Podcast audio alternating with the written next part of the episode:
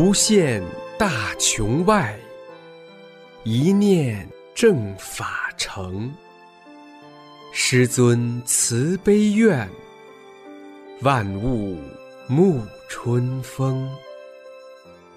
请听明慧专题《一师恩》。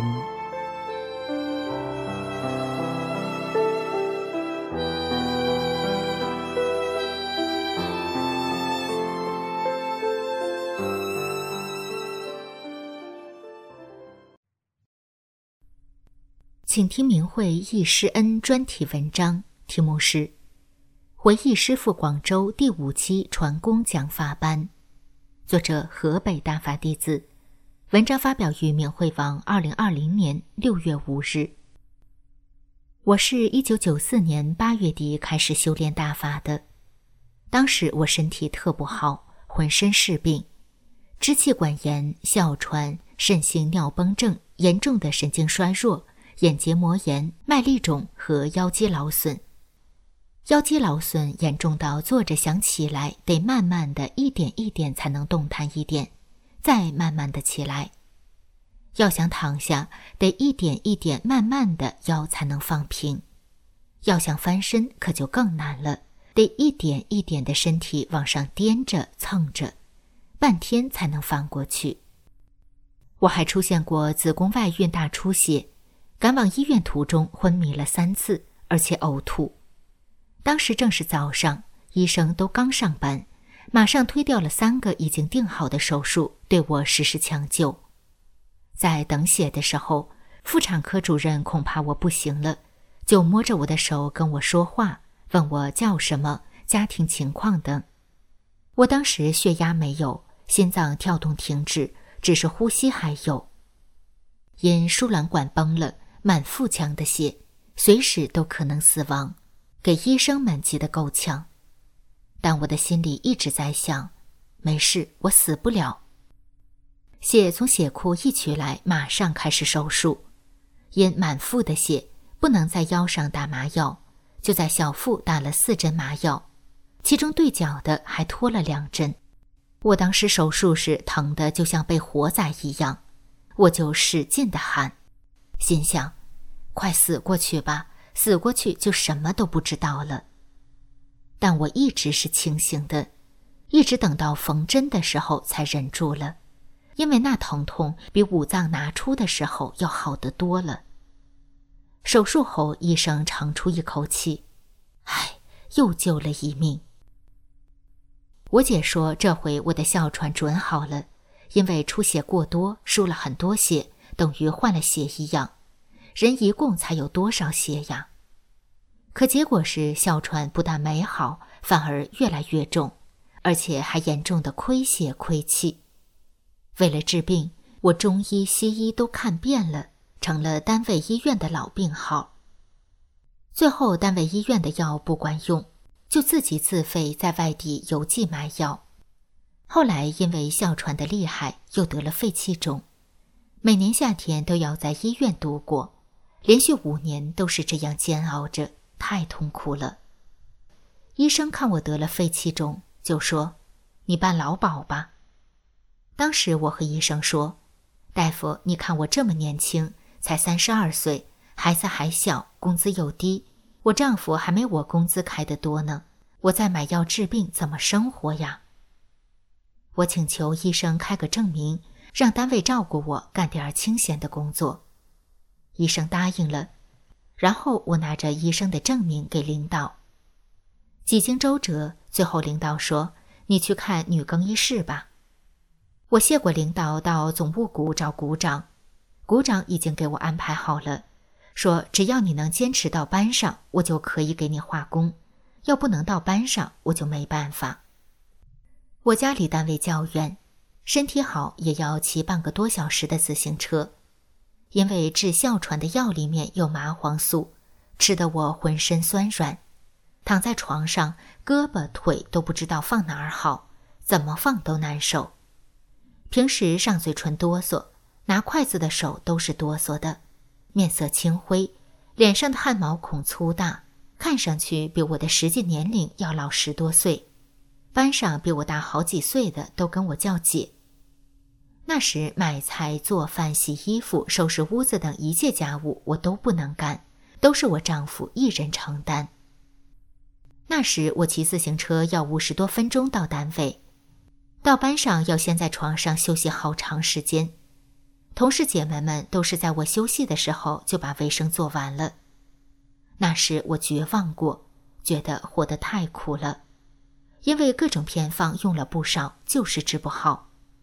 想过去死不活了，又一想孩子刚五六岁就没了母亲，想到这儿泪流满面。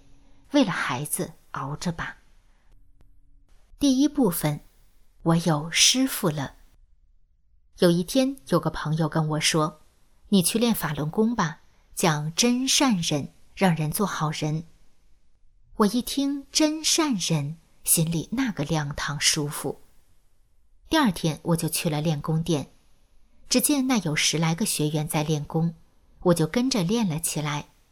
练了几天，就感觉浑身有劲儿了，各个手指间有转的感觉。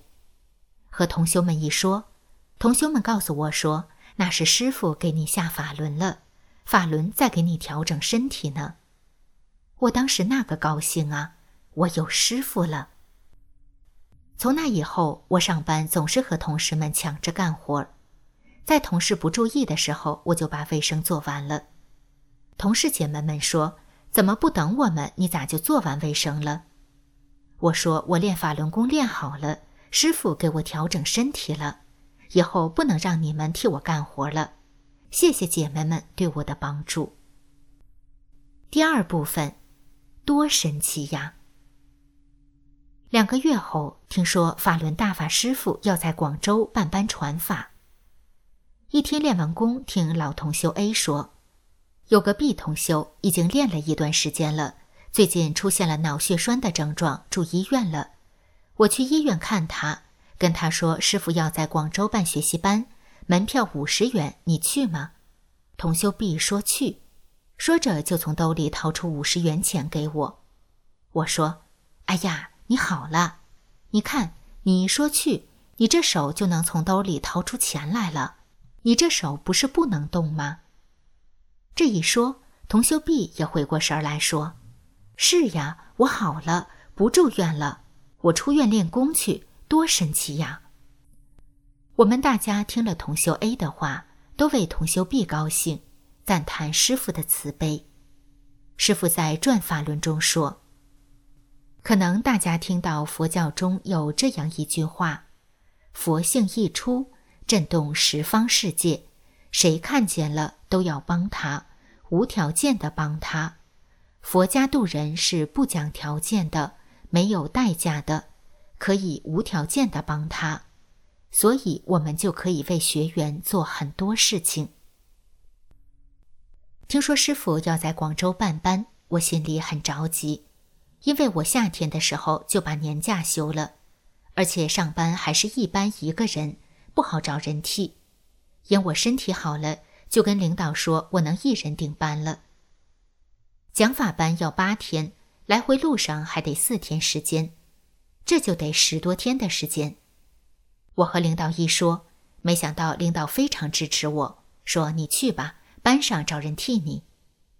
因为领导也看到了我修大法后的变化，我听领导一说，高兴坏了，马上就能直接听到师傅讲法了，我是最幸运的。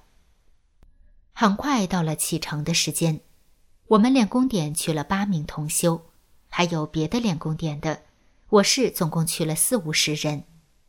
在火车上，大家欢声笑语，互相交流着自己的体会。到了广州。我们住在了广州军分区的旅馆，在白云山脚下。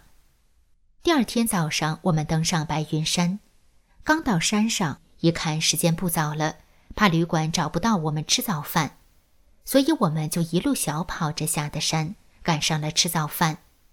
这在以前是绝对不可能的。我市也有一座山，当地人们经常爬山锻炼。我只是在每年的六一时带孩子上去一次，很费力。白云山的高度有我市这座山的三个高，在平时，我根本就不敢想上这么高的山，现在刚上山就小跑着下山，那更是绝不敢想象的。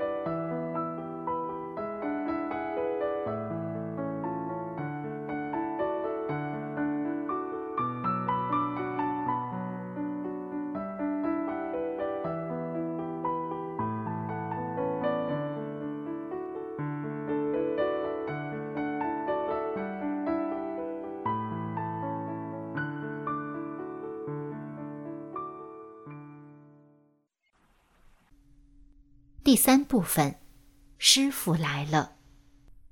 到了开班的时间，旅馆为我们租了大轿子车，送我们去广州体育馆。我们的座位在三层。刚找到座位，我就听见一声：“师傅来了！”大家立刻鼓掌欢迎。只见师傅高大的身材，年轻英俊，面容慈祥，向大家笑着走进会场中心。师傅掏出一张纸放在桌子上，说：“现在开始讲课。”大家立刻都静静地听师傅为我们讲法。我心里很惊讶，心想：这几千人的会场，说开始讲课，怎么立刻就鸦雀无声了呢？师傅的威力好大呀！师傅讲完第一堂课，说要给我们净化身体，把不好的物质拿掉。师傅让我们大家站起来。告诉大家，先跺左脚，后跺右脚。师傅把学员分成几部分，当做我们这边的时候，只见师傅大手从右往左一挥，说：“揪”，就把学员们不好的物质抓在手里。师傅的手往地上一拍，就在师傅起身的时候，我就看见地上有一团黑东西。随着师傅起身，那团黑色物质在向周围蔓延。越来越大，速度很快。这时，师傅的大脚向高抬起，又急速的一踩，立即就什么都没有了。当时的情景我看得很清楚，对师傅的感恩之情是无以言表的。第二天，师傅说：“如师傅在《转法轮》中所说，我在讲天目的时候，我们每个人的前额都会感觉到发紧。”肉往起聚，聚起来往里钻，是不是这样？大家齐声回答：“是。”我的心里说：“为什么都说是呢？”其实我的天目也是感觉到发紧，肉往起聚，聚起来往里钻的感觉。那为什么还这么想呢？这个问题我多年没解开，现在明白了，其实就是思想业在作怪。那根本就不是我想的。第四部分，快看大法轮。第三天上午，在旅馆听见一个小女孩说：“快来看呐，天上有大法轮在转呢！”同修们一听，都从房里跑出来。果然是，有的人看得大点，有的人看得小点，也有看不见的。我看见的法轮将近两米那么大，法轮在天上转。中间的底色在变换着颜色，五颜六色的，非常好看。有个同修说：“快看呐，法轮螺旋式的进到我的头里去了。”但我没看见。小女孩又说：“快看，师傅在上边坐着呢。”大家的心情快乐无比。下午上课前，师傅说：“有人提条子，看见法轮了，看见就看见了。”其实是师傅发出强大的功，在净化整个广州呢。师傅讲附体的问题时说：“如师傅在《转法轮》中讲到，我已经做了这些事情，把所有的附体给拿掉了。”我就看到整个体育馆的上空特别的浑浊，雾戳戳的。还有一次讲课前，师傅说：“有不是从正门进来的，你咋来的咋回去，不然的话你什么也得不到。”我心想，师傅什么都知道，师傅真是神通广大呀。第五部分，师傅让我年轻了。第七天讲课前，我们的车到的早一点。我和同修 A、B 阿姨说：“我去卫生间。”回来后，A 阿姨说：“你刚走，师傅就来了。我们面对面见着师傅了。”我听后非常惊讶，要知道我不去呀，后悔不已。开始上课了，我聚精会神地看着师傅。哇，师傅的面容咋这么细腻，白里透红？就像小孩的皮肤一样，我在二层就像在师傅的跟前一样，看得那么真切。师傅太年轻了。后来我才知道，就在我惊叹师傅那么年轻的时候，师傅把我的面容净化了，把我这看上去比我的实际年龄要老十多岁的皮肤净化了。从广州回到家，我的一个表妹说：“姐。”你这次广州没白去，身体好了，也年轻了，皮肤可不是原来那样了，皮肤白了，还带有光泽，看着人就有精神，听你说话都舒服，感觉这个场特别好。师傅给我们讲法传功的最后一天，师傅给我们打大手印，我看师傅打大手印时，心里非常舒服、高兴、踏实。就和看师傅交工录像带、师傅打大手印的感觉是一样的，总是想看。有同修说，是我明白那面，知道师傅的大手印的内涵。师尊为我们身心净化、道德升华，为我们付出的太多太多。聆听师尊的讲法传授班已经二十多年了，回想起那喜悦的心情，历历在目。就像是昨天刚刚发生的事。师尊在《转法轮》中说：“我觉得能够直接听到我传功讲法的人，我说真是，将来你会知道，你会觉得这段时间是非常可喜的。当然，我们讲缘分，大家坐在这里都是缘分。我想，我们既然有这么大缘分，又立下誓约。”那就只有精进实修，做好三件事，跟上正法进程，圆满随师还。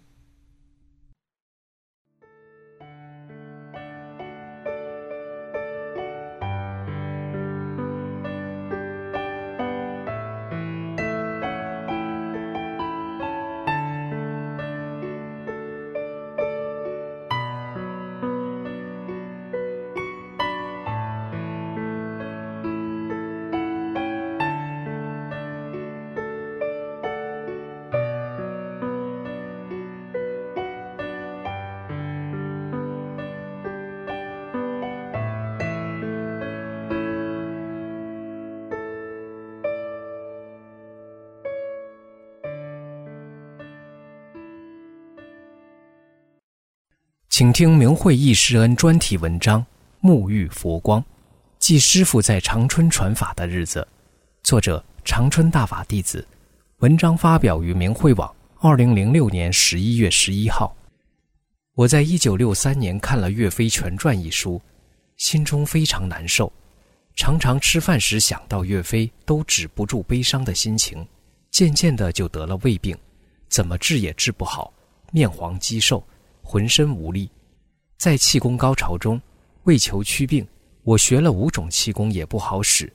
直到一九九三年十月，经人介绍，我开始学练法轮功，并在一九九四年四月底至五月初，我幸运地参加了长春第七期师傅办的传功讲法班。我有幸坐在前几排的中央，离师傅很近，师傅慈悲祥和的面容，我看得非常清楚。当时师傅讲法非常辛苦，尽管办班场地极大明放宫很大，也容纳不下，不得不分成白天一个班，晚上一个班，每天两次讲法，还要给几千人清理身体。尽管师傅这样劳累，但始终神采奕奕、容光焕发、慈悲祥和，毫无倦意。在师傅的讲法场中，我感觉非常舒服，胃疼病不知不觉好了。我家离明放宫较远，回家骑车感觉很轻松。我真正感受到沐浴在师傅慈悲祥和的场中的美妙和殊胜。那次办班一共十天，前九天师傅给大家讲法，一天一讲，每天讲完法后，由一个学员做练功动作示范，师傅讲功法功理。第十天，师傅让大家递条子提问题，师傅耐心地给大家一一解答。记得我当时抱着求学问的执着心，提了一个有关佛教知识中的问题，师傅没有回答，但指出学法修炼不是研究学问，不能抱着求知识的态度来听法，要无求而自得。至今我回忆起来都觉得汗颜。我是搞电子技术理论教学工作的，总想用常人中研究电子技术理论的方法去衡量超常的修炼中的一些问题。那哪能衡量得了？我这种把大法修炼当做常人理论学习和研究的根本执着，至今也不能说完全去掉了。今后还要继续努力修掉它。那次班上，为了让所有学员都能近距离看见师傅，师傅还从楼下走到楼上，所有过道都走了一遍。师傅边走边向大家挥手，师傅走到哪里，那里的学员都自动起立。热烈鼓掌欢迎，心情无比激动，那真是佛光普照，礼义圆明。办班最后快结束时，师傅应广大学员的要求，为我们打了一套大手印，非常好看。我们看了，心情非常愉悦。师傅最后向大家提出殷切希望，就是转法轮中讲的，希望大家回去抓紧时间实修。当大家陆续走出礼堂时，我还舍不得离开，念念不舍地望着师傅。只见师傅在讲台靠门的一边，向大家转动着两臂。我悟到，那是大慈大悲的师傅在向大家打着转大法轮的手印，加持学员们在修炼法轮大法中迅速提高，快速返本归真，乘法船高扬帆，直至圆满。自从参加了师傅的讲法传功学习班之后，我一直沐浴着佛光，身心不断发生着根本变化。开始阶段只注重练功，每天早晨、晚上两次集体练功。记得一九九四年十月一日早晨，虽然是假日，我早早就醒了，我就去一个小学校院内参加集体练功。最后练完法轮桩法后，一睁开眼睛。一下子就看见了慈悲高大的师傅，正站在我们的身边，我们都惊喜万分，纷纷围了过去。大家你一言我一语，亲切地和师尊唠起嗑来。师傅始终祥和地微笑着，耐心地解答大家的问题。朝阳霞光四射，师尊佛光普照，我们沐浴佛光，个个欣喜万分。最后，我们簇拥着师傅往大门外走。当时我就走在师尊身边，紧随着师傅向前走，顿时感到师傅好高大哟，一股热流通透全身。一直欢送师傅出大门外上车后，我们还目送着师尊远离的轿车。记得那天早晨，有一位弟子请教师傅说：“我胖，腿短还粗，双盘有些困难，怎么办？”我们也觉得他双盘实在是太难，可是。师傅温和地跟他说：“最后还是要盘上的。”这弟子后来经过几个月的学法练功，还真的盘上了。十月一日那天早晨，师尊在到我们练功点之前，还去了我们另外一个练功点，并在那个练功点附近给我们重新选了场地。新练功场地中间平坦，四周树木环绕，尤其前面西面七棵松树高大挺拔。虽然离马路稍近一些，但是我们练功人入境后就什么也听不见了。从那以后，我们就一直在这个练功场上集体练功，而且来参加集体练功的人员不断增加，从开始的十几个人增加到一百多人。那时候集体练功真是风雨不误，从不间断，节假日甚至过年期间，大家也都自动坚持集体练功，人们非常踊跃。因为不断有新学员加入集体练功，所以我在早晨集体练功时，经常是在练功场的旁边单独教新学员学功。记得一九九四年的六七月份时，我们正在练功场集体练功，在远处有一些人就看见我们这个练功场上空被红光照着，一片红。等我们练完功后，他们就走过来问我们练的什么功，我们告诉他们是法轮功。后来他们就和我们一起学法轮功，并且还去哈尔滨参加了在那里举办的传功讲法学习班。我们每天早上集体练功，晚上集体学法。开始是集体看师傅讲法录像带和集体听师傅讲法录音带。一九九五年初，《转法轮》出版后。我们每天晚上集体通读《转法轮》，每天通读两讲。我是集体学法一个组的组长，我们组有二三十人，屋里挤得满满的，每人读两个自然段，大家轮流读。通读完两讲后，还切磋一会儿。通过集体学法，我和大家都感觉到收获特别大，提高非常快。我通过集体学法，内心认识到修炼要专一。就把家里乱七八糟的气功书和其他有关的书烧掉了。烧掉以后，我感到练功时干扰明显减少。我们学法组里有严重糖尿病患者，修炼法轮大法后，不但病好了，而且身体变得很强壮。家里装修房子，重体力活也能干了。有得肺癌要动手术的，参加集体学法练功两个多月后，到医院一检查。肺癌明显变小了，也不去做手术了，一直和我们一起学法练功。有些学员所在的单位分房子，有的也不争，有的也不要。有的学员被汽车撞了，汽车被撞进一个坑，自己却没有大伤。通过集体学法修心性和练功，证实这大法。为此，我们还多次开修炼心得交流会，互相学习，互相促进，共同提高。有一次交流会上照出的相片，背景本来是教室的黑板，可是相片上的背景却是非常美丽的风景。转法轮出版不久，师傅就要求家乡长春市的大法弟子在学法和背法上带个头。长春市的大法弟子都做得很好，我把师傅发表的经文都背下来，把转法轮抄写了两遍，把转法轮的前两讲及第三讲中。我把学员都当做弟子带，都能一下子背下来。佛光照我心，我的身心在发生着巨大变化。我有公费医疗，我修炼大法后，各种疾病全无，身强体壮，当然不用吃药。开始时，我就用自己的医疗证给我父母开药吃。通过学法悟道，这不符合大法的要求，我就不再去开药了，而是自己掏钱。到药店给父母买药吃，并且让父母也学法，沐浴佛光。从那以后，父母闹病比以前少多了。八十多岁的两位老人去世前一次医院也没住过，非常平静地走了。法轮功的奇特功效吸引着越来越多的人修炼。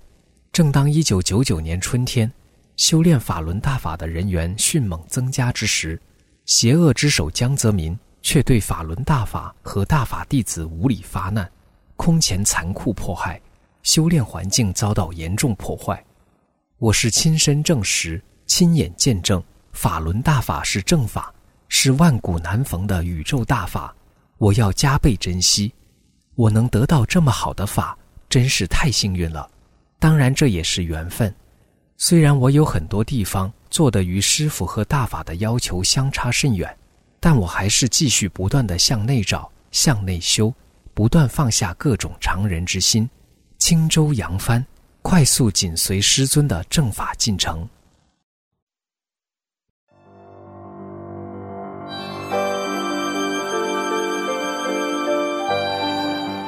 这一期的一师恩就到这里，谢谢收听。